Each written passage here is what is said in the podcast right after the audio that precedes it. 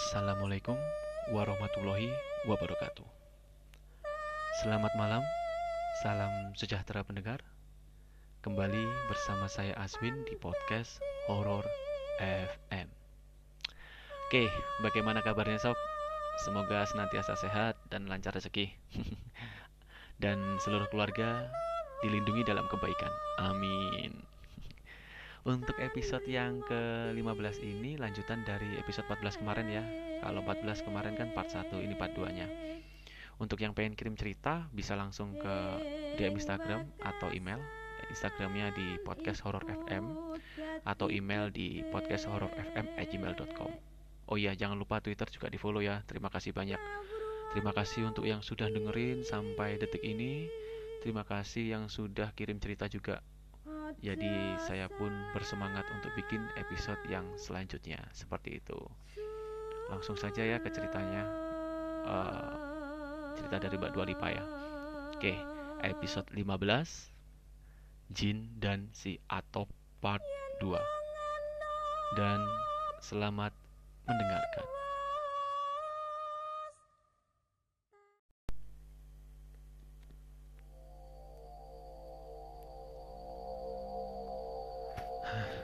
Aku cepat-cepat keluar dari kamar, turun ke bawah, dan keluar dari rumah. Dari luar, aku melihat balkon kamarku. Pikirku, ah, aku gak aman ada di sini. Aku ke rumah tetanggaku dan menunjukkan video tersebut ke temanku. Dia juga percaya dan menyuruh aku menginap di rumahnya sampai papa dan mama pulang. Gak lama kemudian, Papa dan Mama datang. Ah, lega rasanya. Dan aku putuskan untuk segera pulang ke rumah. Saat Papa Mama pulang, aku kembali ke rumah lewat garasi.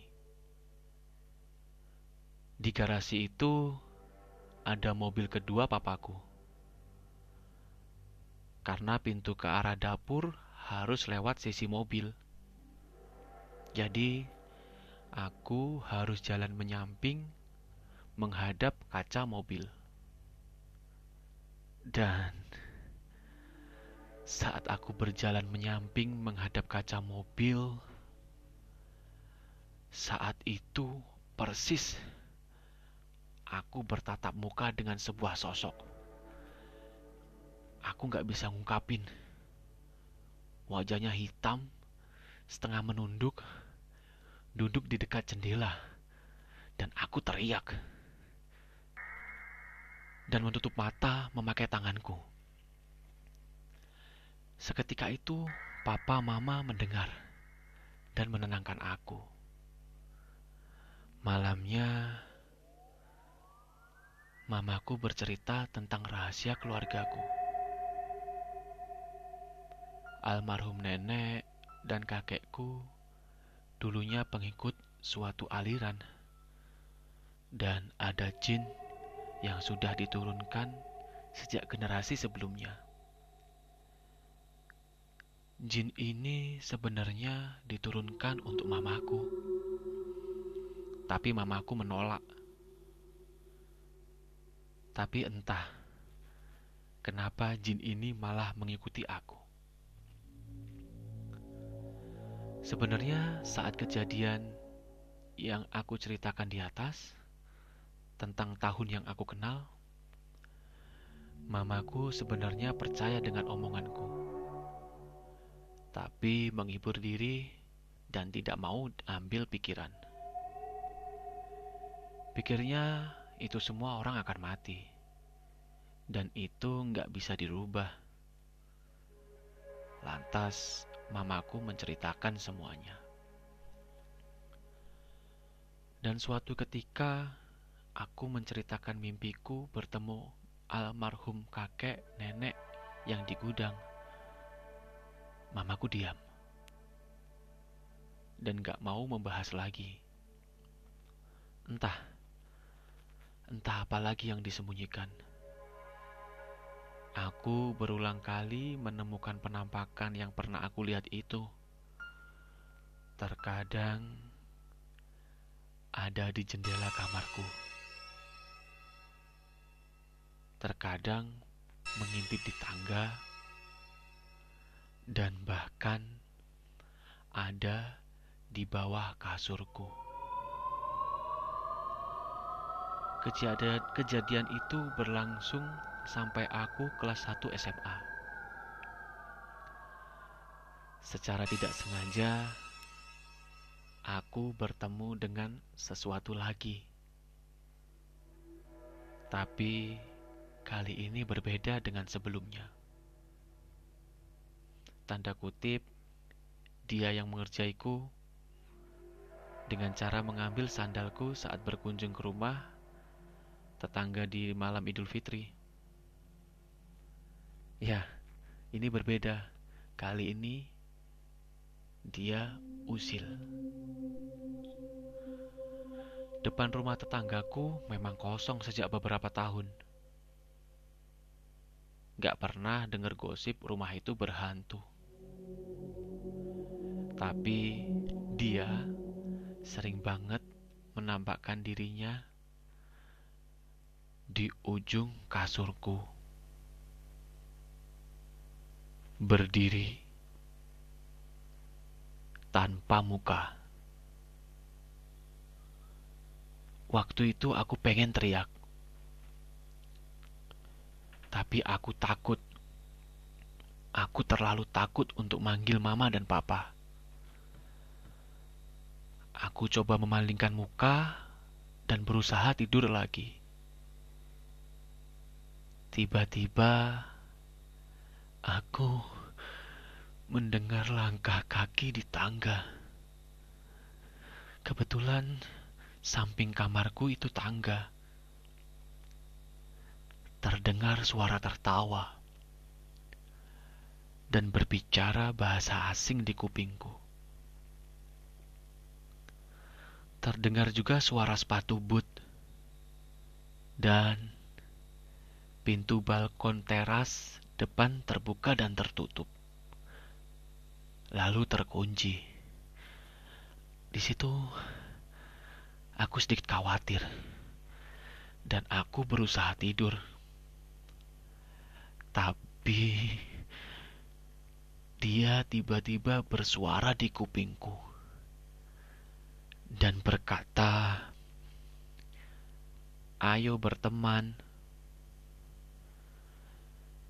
Aku mengintip samping kupingku. Gak ada siapa-siapa. Dan kalian tahu, ternyata dia masih di pojok kasurku. Aku mendengar dia berkata lagi untuk mengajak berteman. Sesuai dugaanku, suara dia langsung masuk ke telingaku, walaupun dia berada di pojokan kasur. Aku benar-benar ketakutan. Rasanya aku mau pingsan, tapi nggak tahu gimana caranya.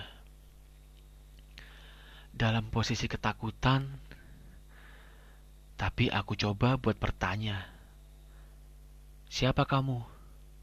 dalam hati. Dia jawab, namanya Atop.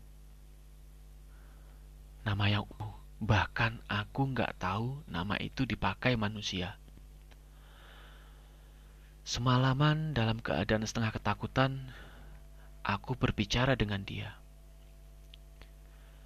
Dia mengaku kalau dulu dia tinggal di rumah kosong depan rumah tetanggaku.